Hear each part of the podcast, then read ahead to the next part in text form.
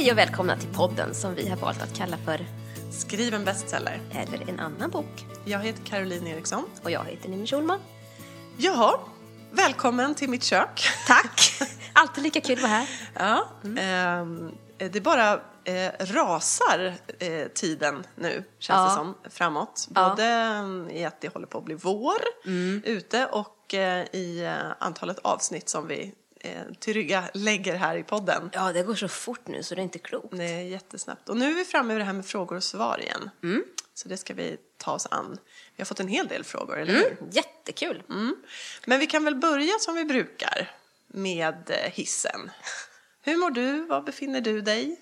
Hur har du det med livet och skrivet? Ja, det är lite både och, tycker jag. Den här årstiden är inte min favorit. På vilket sätt är det Jag jobbigt? tycker våren, den här, den här fulvåren som kommer först, Ja. den är så skoningslös på något Ja. sätt. Allt syns. Ja, Eh, ljuset som börjar... Ja, men jag känner mig som ett litet marsvin eller någon liten hamster som blinkar liksom när, eh, mot, mot eh, solen. Mm. Det är svårt tycker jag att få ro och, och skriva när det är när solen skiner och, och det är så mycket som... Det är en liten stress i det där också. Mm. Det är som att min kropp inte riktigt hänger med när det börjar Mm. lysa så starkt överallt och, och man ska orka och jag har ingen ork riktigt. Du är lite sliten. Mm. årstiden. Ja, jag känner mig sliten. Frisk nu i och för sig då, men, Mm. men, men skrivandet, det eh, går bra. Ja. Det är nästan så här, så, man får inte säga så, men jag önskar att det ska vara lite regnigt nu här i veckan så att man kan få lite lugn och ro. Ja, och bara fokusera på skrivandet. Nej, man ska inte önska regn. Vi har Mm. haft en lång vinter här nu. Vi vill ha sol och ljus. Det vill jag också egentligen. Men, men det är någonting i mitt Mm. psyke som inte riktigt stämmer. Eh, Jag funderar mycket på väldigt jobbiga grejer och så just den här årstiden. och jag vet det, för när jag börjar göra det så tänker att ja, just det, så här brukar jag vara i mars, Ja, april. okej, Uh, ja. Och sen ger det med sig, eller? ja, sen så ställer det rätt sig på något Mm, sätt. Du då? Ehm, ja, men, nej, men jag tillhör nog de här människorna som faktiskt älskar våren. jag gör det. Ja. Framförallt ljuset. Bara. Även om det, det är lite skitigt som du säger och det har inte börjat bli grönt än och sådär. Men ändå, ljuset gör ganska mycket för mitt humör. Sen kan jag väl känna att ehm, jag får någon sån här bild av att då ska man också avsluta ett skrivprojekt. Liksom. Det ska vara färdigt då. Så att man kan ehm, lägga det åt sidan sen när, när sommaren kommer. Ja, det är väl dit jag är på väg också. Så att det stämmer ju på så vis. Ja, du redigerar ju nu. Jag redigerar. Veckan som gick här var ju eh, himmel och helvete, en blandning av det. Berätta nu. Det låter så... Ja, apropå hissen då. Ja. Så kan vi säga att jag har verkligen färdats mellan liksom, takvåningen och Ja. källaren. Eh, Jag började på, på takvåningen. Jag tyckte det var jättehärligt och jag vaknade på morgonen och tyckte liksom att det kändes verkligen kul att sätta sig. Mm. Och sen hände det någonting där torsdag eftermiddag tror jag. Vad hände då? Vad hände? Jag, jag, jag vet inte, det var... Det blev mörkt. Du var på botten. Jag var på botten. Plötsligt var det fönsterlöst rum i källaren jag befann mig. Det låter ju hemskt. Vi sitter Ja. och skrattar här. Men ja, det vi gör ju det. Ja. Det Dumt. Men när man är där nere så är det ju mörkt. Men verkligen. vet du vad som hände? Vad du tänkte som fick dig att åka hela vägen? Ja, men grejen är att vi smsade ju lite grann, du och jag Ja. där. Eh, och så frågade ju du mig, ja men eh, oj vad jobbigt att det känns så. Är det tvivel eller trötthet? Mm. Svaret på det var ju att det var både och. Ja. Det är väl den jobbigaste typen av dipp där. Att man Mm. eh, både känner en, en viss trötthet och sen också då eh, att det ledde till en, en massa jobbiga, att jag, en massa jobbiga tankar släpptes in som inte borde ha fått vara där. Mm. Tvivel eh, både på mig själv och på storyn och på hur det här ska bli. Och blir det tillräckligt spännande och vem är den här karaktären egentligen och lite sådana här saker. Och när det väl har börjat cirkulera så fungerar jag så att då kan det gan- ganska snabbt anta alldeles för stora proportioner. Eh, Jag får liksom prestationsångest och jag, jag brottas väldigt mycket med mina egna ambitioner känner jag just nu. Nej, men och sen tänker jag att det är också faser i, i arbetet med ett manus. Jag vet ju att det svänger så här. Det har Ja. svängt så här tidigare, det har känts så här tidigare och sen har det känts mycket bättre. Ja. När jag, liksom, jag, har ju, jag, menar, jag har ju ett antal veckor och månader på mig att liksom jobba med det här manuset så det ska, det ska inte vara färdigt än. Nej. Och att jag förhoppningsvis då kommer att känna annorlunda Ja. när det är det. För det har jag gjort alltid tidigare. Och därför måste jag ju tro på att det kommer jag göra nu också. Mm. Det kommer Det är ju ju. bara det som är läskigt i stunden när man känner, men tänk om, det kanske är nu som det liksom skiter sig. Så, Ja, ja, men det kommer gå bra. ja, vi, eh, Det vi tror utgår jag. från det. Det, det är jag övertygad om. Men just idag då, var, vilken våning är du? Eh, den ja, här men, kvarten? Ja, men nu är på, li- liksom på väg upp faktiskt. Ja. För att jag satt lite då i, i helgen här som gick och då tyckte jag ändå att jag kom in i en scen där som känns eh, ganska viktig och att jag började liksom hitta, hitta tråden igen. så. Mm, mm, vad skönt. Du är ovanför markplan. Ja, just det, precis. Jag ser lite fönster. ja det är bra. Oputsade fönster. Precis. Och på tal om redigering då, så kommer vi att prata mycket, mycket mer om redigering, för det är nästa fas Just som det. vi går in i nästa, nästa avsnitt. Så då kommer vi att prata redigering i fyra avsnitt. Ja, Och hinner återkoppla mer. till hur det går för dig i, här och nu. Yes.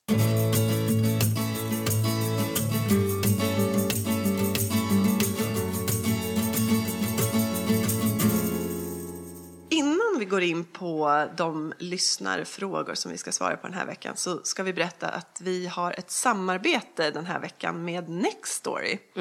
Och Nextory är ju en, en tjänst som är en fantastisk tjänst för alla bokälskare. Där finns det då tusentals titlar, ljudböcker och e-böcker. Bara att ladda ner. Precis. Och det finns då både mm, äldre titlar och eh, titlar från topplistan. Vi har alla våra böcker där. Både du och jag har varit inne och kollat. De finns både som e-böcker och ljudböcker. I samarbete då med Nextory så har vi ett erbjudande till er nu som, som poddlyssnare. Och det är att ni kan få 30 dagar gratis medlemskap på Nextory. Så under de här 30 dagarna så kan ni alltså lyssna och läsa obegränsat med böcker. Det är ganska Det är ju supererbjudande. Ja. För att göra det så går man då in på nextstory.se slash kampanj och sen ska ni då skriva in en kod och den koden är bestseller. Och om man då efter de här 30 dagarna inte vill fortsätta så behöver man inte det, utan man kan Precis, inga tjuvlyssna. förpliktelser. Ja. Inga förpliktelser, inga krav på fortsatt eh, medlemskap här, utan 30 dagar fri lyssning. Ta chansen, Ja, det herregud. finns ingenting att förlora. Ja. Bestseller är lösenordet. Yes, koden.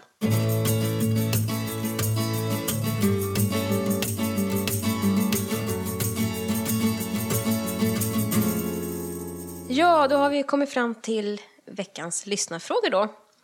Som sagt, har ni några funderingar så hör av er till oss på eh, Instagram eller Facebook. Vi har fått lite, fått från lite olika håll och vi blir så himla glada när ni hör av er. Eh, det är så kul med kontakt. Det är jätteroligt. Ja, och det är väldigt skiftande funderingar här. Eh, den första frågan som vi tänkte ta upp är från Tuvia, Tovia. Jag vet inte riktigt hur man säger, får be om ursäkt för det. Som har en fundering om mitten.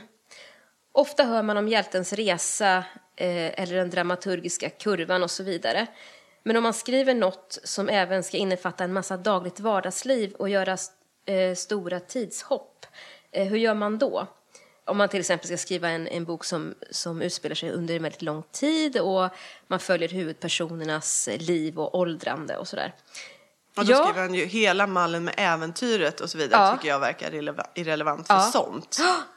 Precis. Och många som skriver biografier eller eh, livsskildringar, de, de struntar ju i det här. Och vad, vad tycker du? Så, så vida nu, och det, det tolkar jag, det här handlar om en, en skönlitterär berättelse. Eh, och, och alla skönlitterära berättelser, jag, ty- det, nu låter jag som en trasig skiva, men på något vis de har en dramaturgisk kurva. Och det spelar egentligen ingen roll om man eh, avhandlar ett händelseförlopp som sker över några veckor eller några månader, eller om det är ett, ett helt liv. För om det, som i det här fallet då, han skriver att han Eh, han skriver under 40 års tid och det, det är de här huvudpersonerna, de, de eh, växer upp och de får barn och de gifter sig och de åldras och de dör. Eh, då är det ju livet. En eller flera personer här som är liksom huvudkaraktärerna. Det är deras liv som är resan.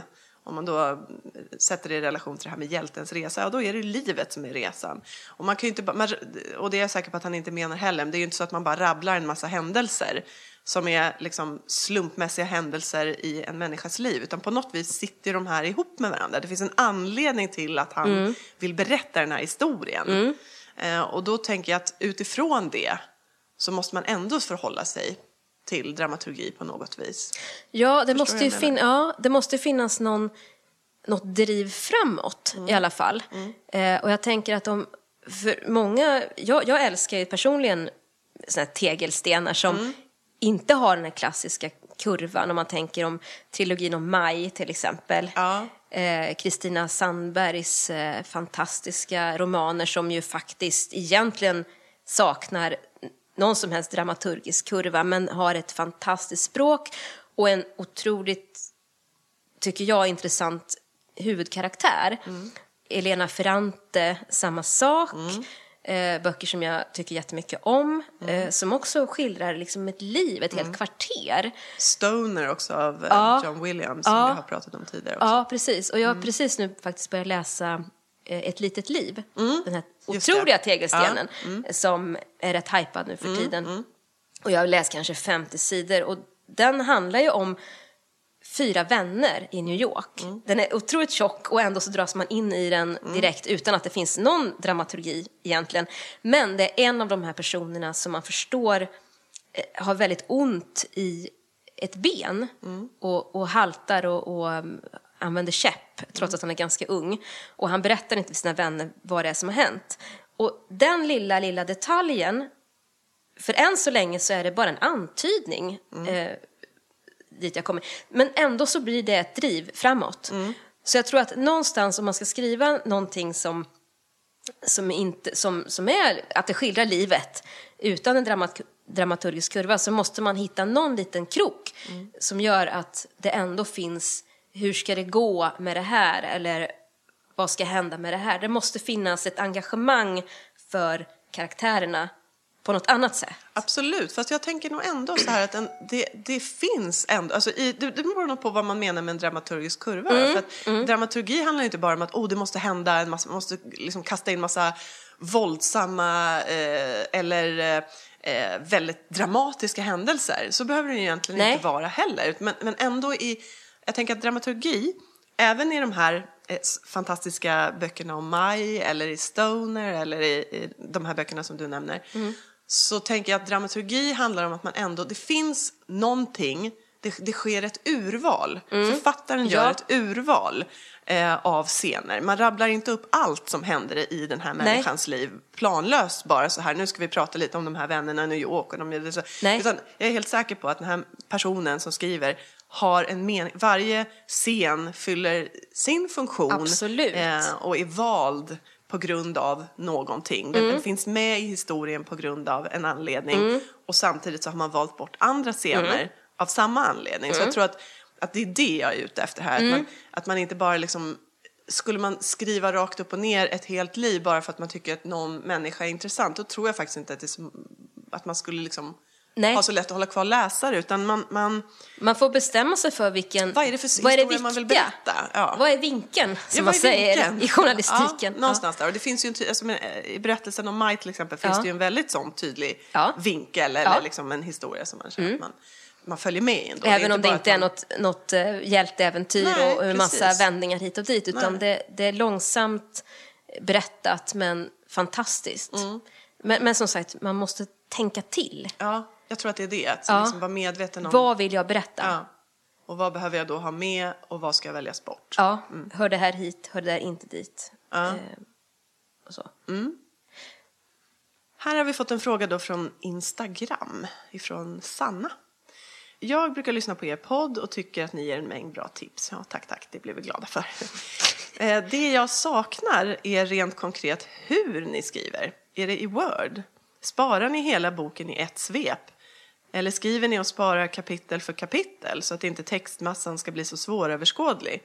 Sparar ni utkast och jobbar på nytt dokument när ni bearbetar texten igen sen? Det är konkreta frågor som jag gärna tar tips från er. Ehm, Jag skriver i ett Word-dokument. Mm. Eh, I ett.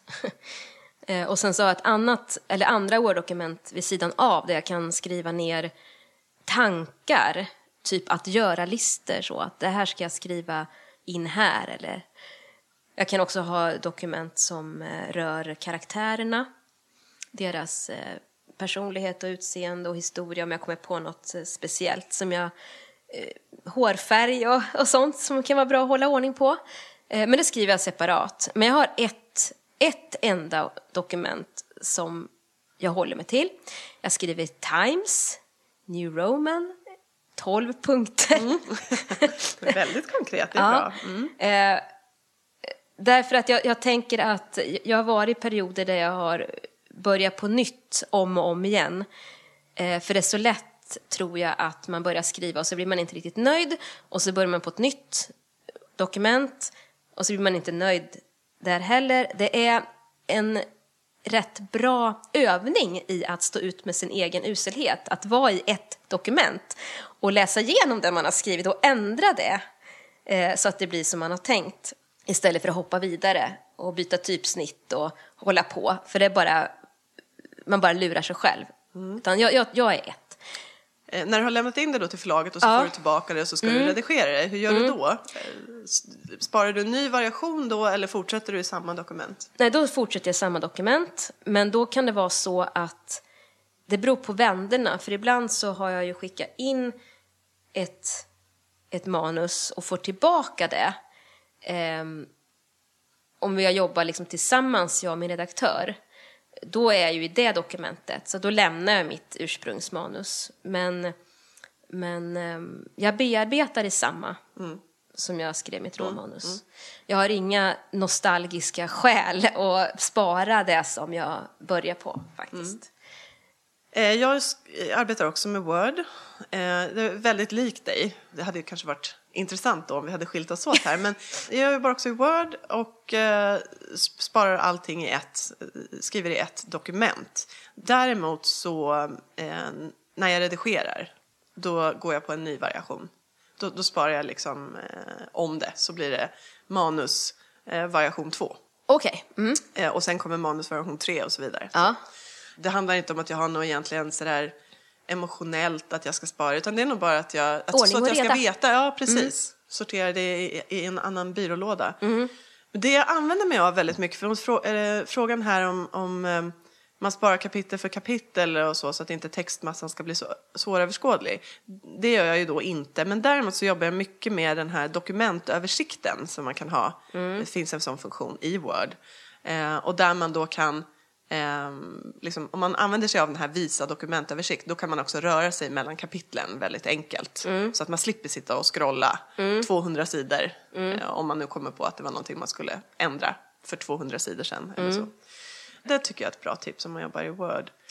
Jag kom på ett annat tips. Um, för det händer mig ofta att jag till exempel, om jag ska börja dra till med någonting, att eh, två personer pratar om vilka filmer de har sett, till mm. exempel. Och så just i, i varför ja men det, det bara tog det här som ett exempel. Men, och, och, då kanske jag i den stunden inte kommer på exakt vilka filmer de pratar om. Då vill jag ju markera det på något mm. sätt. Ofta kan det ju bli också om jag inte kommer på vad någon heter, att jag skriver XX eller ja, något sånt där. Men att få ett grepp om hur de här detaljerna som man vill fylla på eller mm. om det är någonting speciellt man känner att här vill jag mm. gå tillbaka.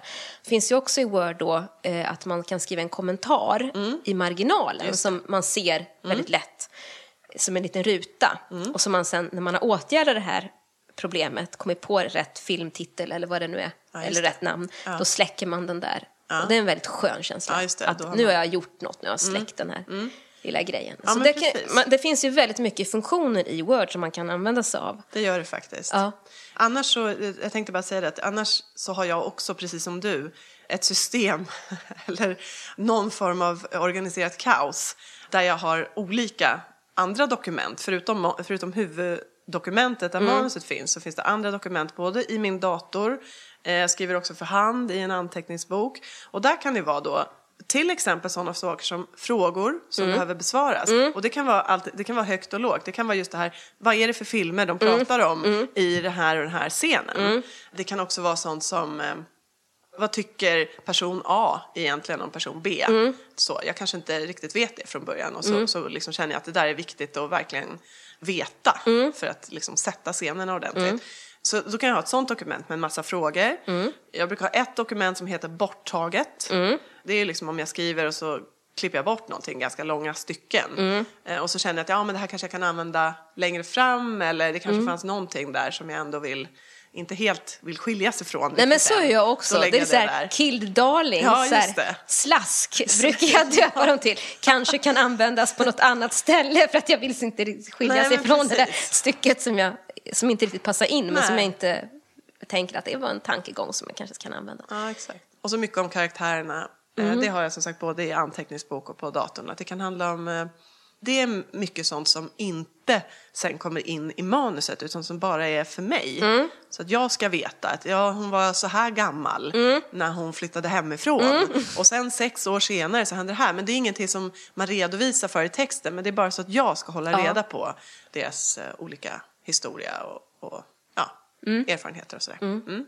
Det var, hoppas vi att, vi att det blir ett svar som ger någonting.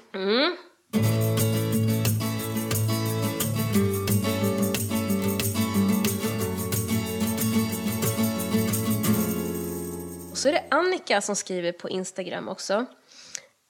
När vet man att man är klar med sitt manus? Eh, så klar att det är dags att skicka till förlag. Det känns som att man kan peta i sitt manus i eviga tider. Men någon gång måste man ju säga till sig själv att nu är jag klar. Blir den känslan tydlig när man väl, läs äntligen, är där? Vad säger du? Det finns ju en skillnad mellan att eh, vilja vara klar, att man vill väldigt gärna att nu ska det här vara klart för jag har hållit på så länge och jag har lagt ner så mycket tid och så. Den känslan är en känsla och att verkligen känna att nu är det här färdigt, jag kan inte göra mer just nu. Eh, och, och det är det hon frågar såklart, när, när vet man?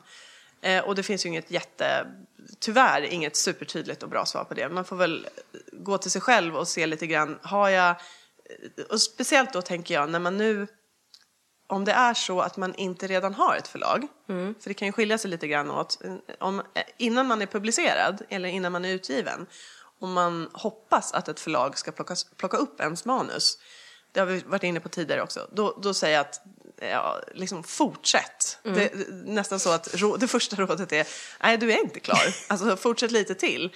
Jag tror att man kan säga att man är klar om man har gjort allt man kan, bearbetat det här manuset flera gånger, inte bara, liksom, inte bara skrivit det en gång, utan att skrivit igenom det, jobbat med det, låtit andra läsa och komma med synpunkter. Människor som kan text, människor som vågar ge ärlig feedback. Och att du sen har eh, lyssnat på de synpunkterna, tagit till dig av det som känns relevant, jobbat om manuset igen, kanske låtit det gå lite tid och så. Då är du liksom redo att skicka in. Det, det skulle jag säga om man inte har om man inte är utgiven. Är man utgiven och har ett förlag och en förläggare och sådär, ja men då, då kanske man kan, då har man ju olika sätt att jobba som författare. En del jobbar tills de är liksom eh, in i kaklet, klara med varenda detalj och sen lämnar man ut till förläggaren. Andra gör inte så, kanske skriver 50 sidor eller 100 sidor eller lämnar in ett första utkast som faktiskt rymmer, eh, där det finns lite hål här och var och sådär. Och det kan man ju kosta på sig då. Men i ett första skede så här så skulle jag ändå verkligen, verkligen eh, ge rådet att inte, Var klar. inte vara klar. att inte bli klar för tidigt. Ja. Vad säger du? Nej, men jag håller med dig. håller med föregående talare. Nej, men såklart. Eh, jag, har ju, jag hade ju turen att få kontrakt innan jag var färdig helt. Så jag har ju alltid haft deadlines att jobba mot. Och hade jag inte haft det, då vet det tusen om det hade blivit några böcker för mig. Jag är lite så deadline-slav. ja. ja, men då har man den... Ja. Det, det och jag känner mig ju och aldrig en- riktigt klar när jag lämnar in första varianten. Nej. Men sen vet jag ju att det händer mer i bearbetningen. Men det är ju någonting man kan unna sig om man har den möjligheten. För då är ju förlagsmänniskorna mina testläsare som ger mig respons. Men som outgiven måste man ju låta andra läsa och vara tydlig med vilken sorts feedback man vill ha. Skriv ner frågor, konkreta frågor till den som ska läsa. Tycker du att huvudpersonen agerar trovärdigt? Varför inte? Varför Finns det scener som inte passar in, som kan strykas? Finns det scener som kan byggas ut? Eh, och så vidare. Fråga, fråga, fråga. Vad är du själv innerst inne tvivlar på? Och få svar och jobba vidare ut efter det. Och har man möjlighet, eh, det kostar en slant, men Mm. det, det, jag har gjort det, eh, gjorde det innan jag blev utgiven och sådär och jag tycker verkligen att det var värt det. Eh, anlita en lektörstjänst, eh, tjänst, alltså en professionell Mm. kostar det då? lektör.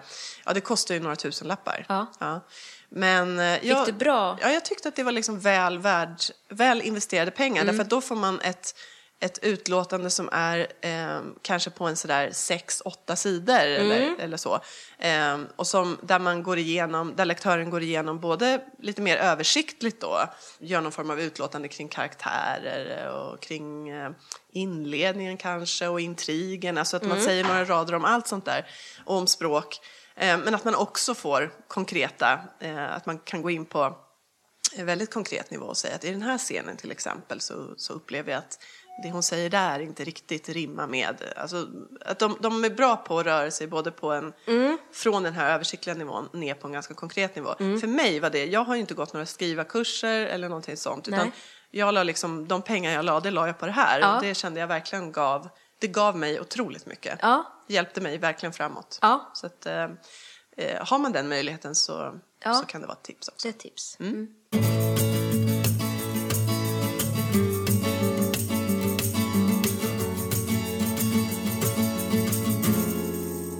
Ja, sen har vi fått en fråga av Annika som frågar om scener.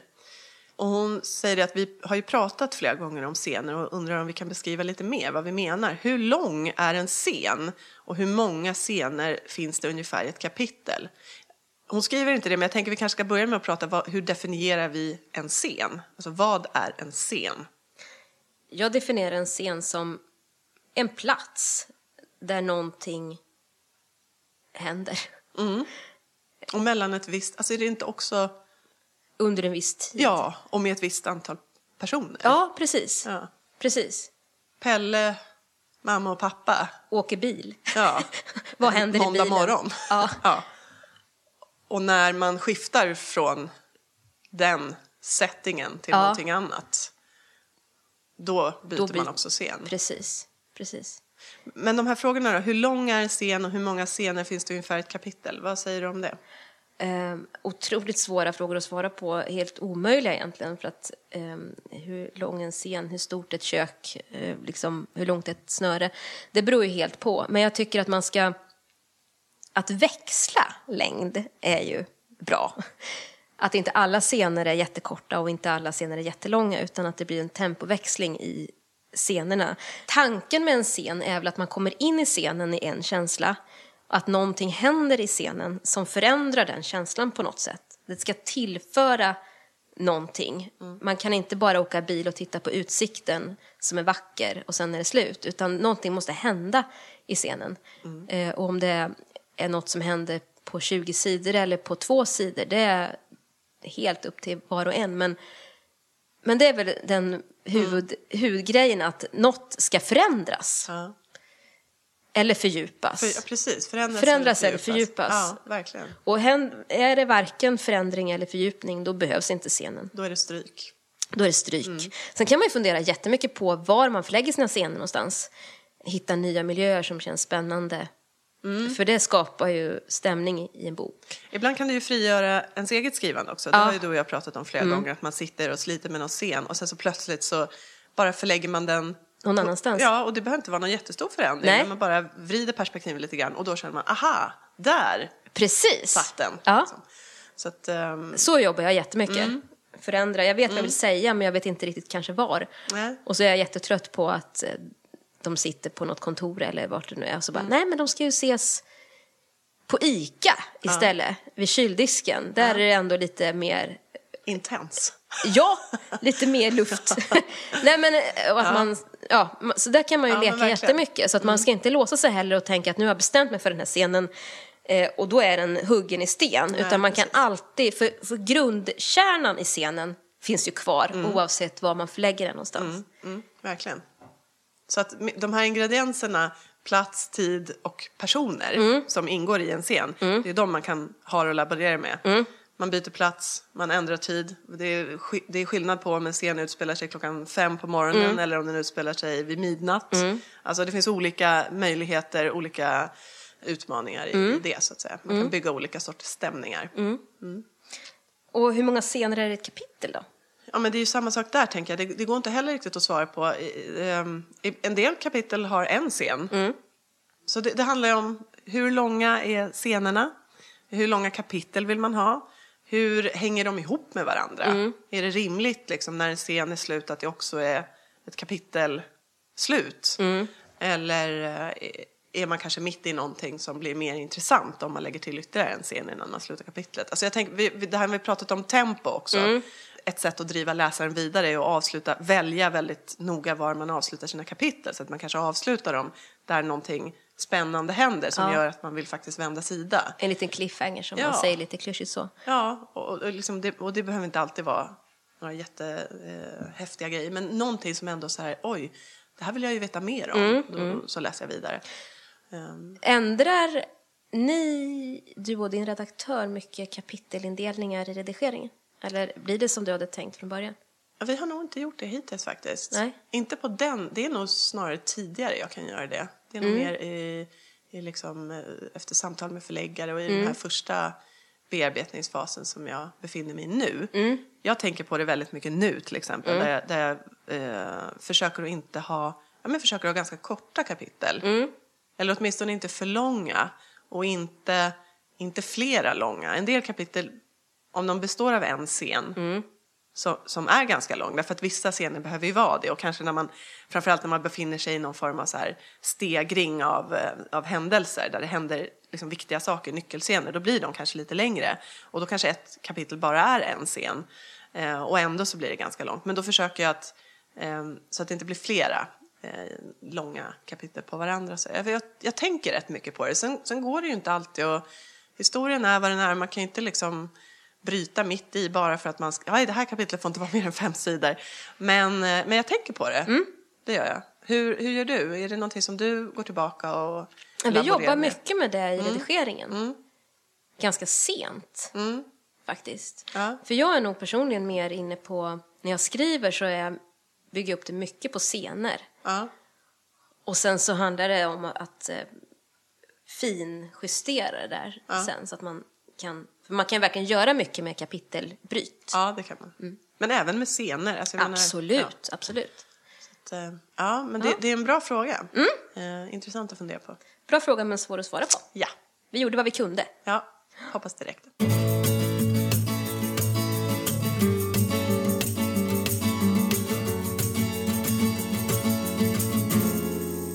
Ja, så har vi Åsa som skriver på Facebook. Kan ni tipsa om hur ni gör rent praktiskt för att få en överblick över manuset? Jag vet att ni pratade i tidigare avsnitt om något program som många använder sig av. Förklara gärna så detaljerat som möjligt hur ni använder era post-it-lappar och så vidare och hur ni strukturerar för att ha koll på händelser och personer. Har skrivit hundra sidor och nu börjar det bli bökigt att komma ihåg saker. Upptäckte till exempel att jag råkat byta namn på en karaktär från Göran till Lennart efter något kapitel tangerar ju det vi var inne på tidigare, Ja. att vi liksom så, konkret som möjligt ska berätta hur vi jobbar.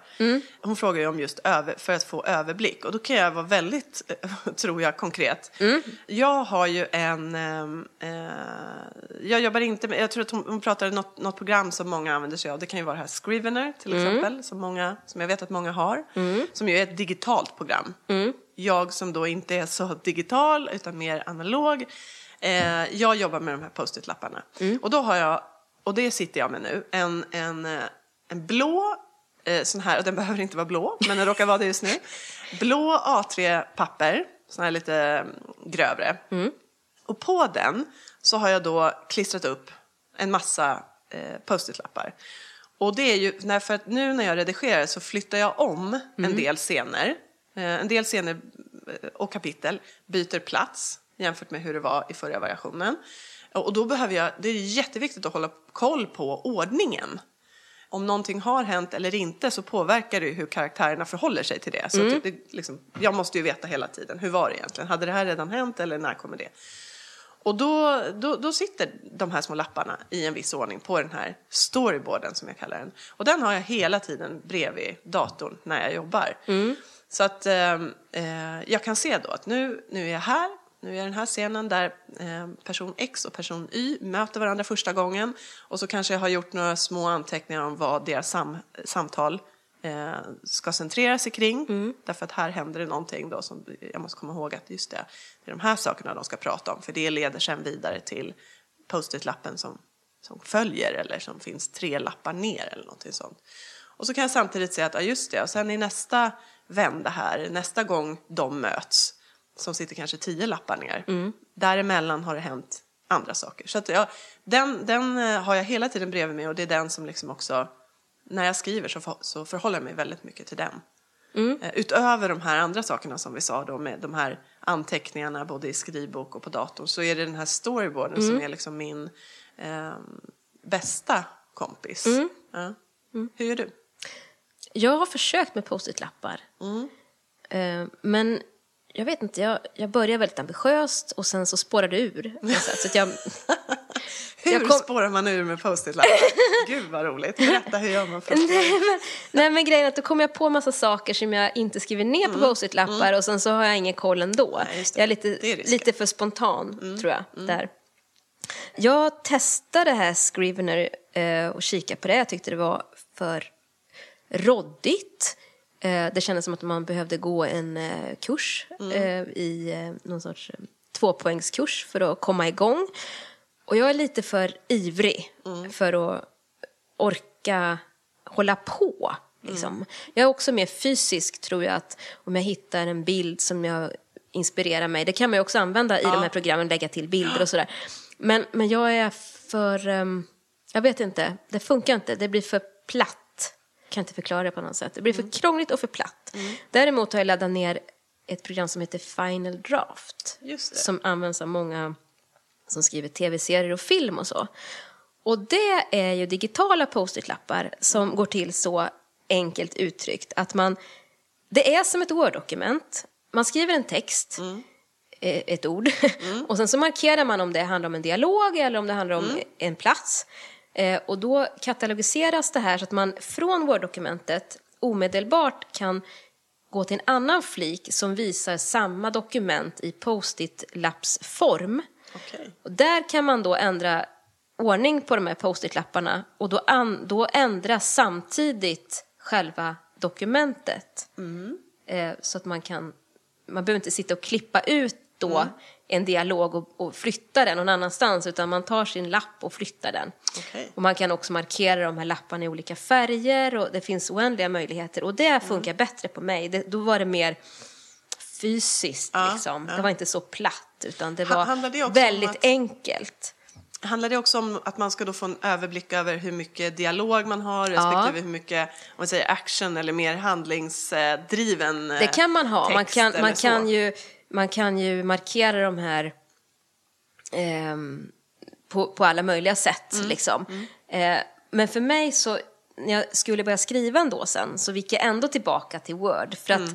det är någonting, det är då det känns som att jag skriver på riktigt. Ja. Däremot så använder jag det till att eh, göra som ett synopsis då, att anteckna olika scener. Vad ska hända i den här scenen? Mm. Ska den här scenen komma före den scenen?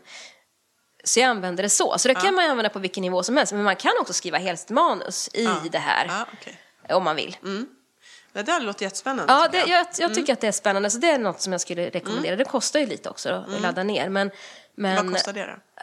jag tror att det kostar 2000. Men, Men ett bra hjälpmedel. men ett bra hjälpmedel tycker jag. Jag ska tipsa om någonting. För att hålla koll. Och sen så, men sen så är det ju faktiskt, eh, Åsa skriver ju så rart här att hon vill vill få tips på hur ni proffs jobbar. Men jag känner att när hon döper om sin karaktär från Göran till Lennart så känner jag igen mig jättemycket. Så att, eh, jag tror inte att vi, Ja, ja, ja. Eh, där är det ju...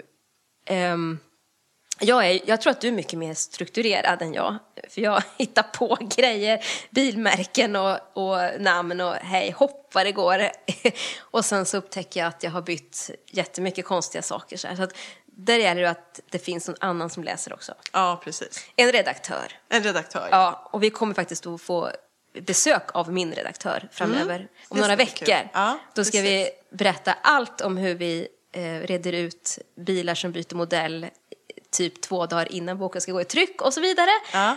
För att det här händer ju. Det är svårt. Det, är är jättesvårt Mm. att hålla ordning och man kanske skriver en scen en månad och en annan scen tre månader efteråt. Mm. Och man har inte ens kommit ihåg att man någonsin har eh, bestämt att en bil ska finnas med en så att det ska vara en Opel. Och då drar man till med en annan modell och så blir det en Toyota och sådär.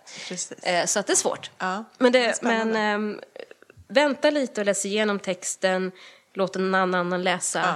ehm, och så. För man blir blind. Man vet vad man tänkte skriva ofta. Det var ett bra tips tycker jag. Läs och läs om och Mm. låt andra läsa. Men ha också dokument vid sidan av där Ja. ni skriver ner viktiga grejer. Eh, hur gamla folk är och sådär.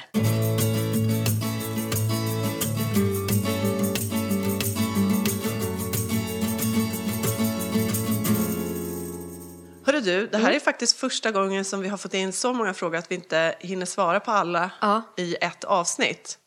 Vi har eh, ett par frågor kvar Ja. och de kommer vi att ta i nästa frågor och svar-avsnitt Mm. som kommer om tre veckor. Observera, inte fyra veckor den här gången utan det blir ett litet omkast i planeringen. Så om tre veckor Är det dags igen? är det dags igen. Så fortsätt då och ställ lite frågor så har vi, eh, tar vi en liten uppsamling plus eh, nytillkomna frågor då. Mm.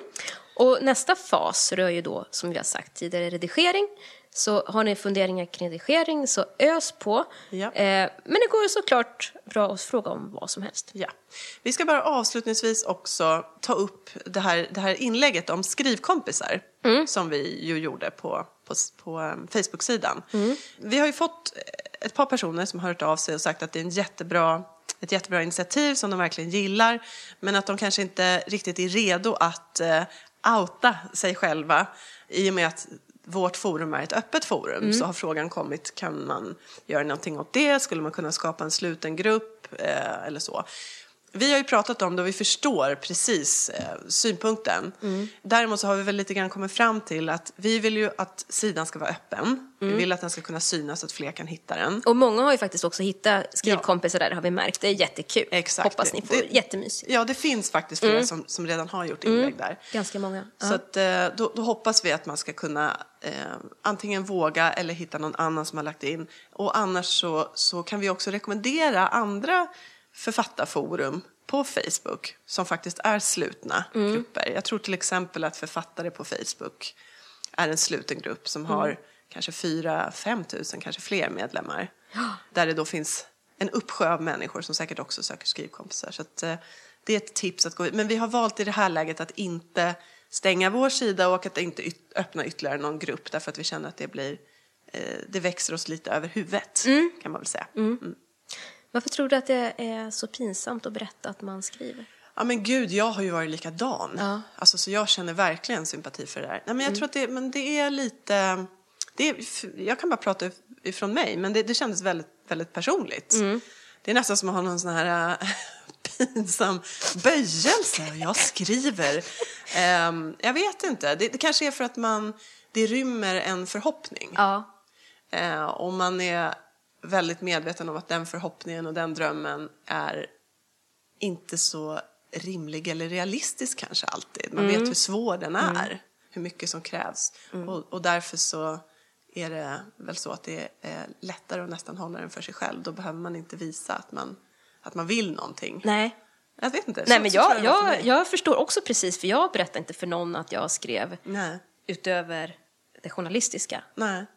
Nej Det var otroligt eh, genant, tyckte jag. Ja. Vem trodde jag att jag var? Och Ja, just va- det, va- sådär. ägna så mycket tid åt någonting som ändå inte skulle bli någonting. Och så vi, vi förstår, både Ja, jag vi- och Caroline förstår förstår, verkligen er som inte vågar. Men vi hoppas ändå att ni kan hitta någon skrivkompis Ja, någonstans. och som sagt, det ligger ändå ute ett antal nu under det här inlägget. Mm. Så att, ja, även om man inte vill skriva sitt eget namn och berätta om sig själv där så kanske man kan skicka ett direktmeddelande till någon av de modiga Ja. som faktiskt redan har kommenterat där.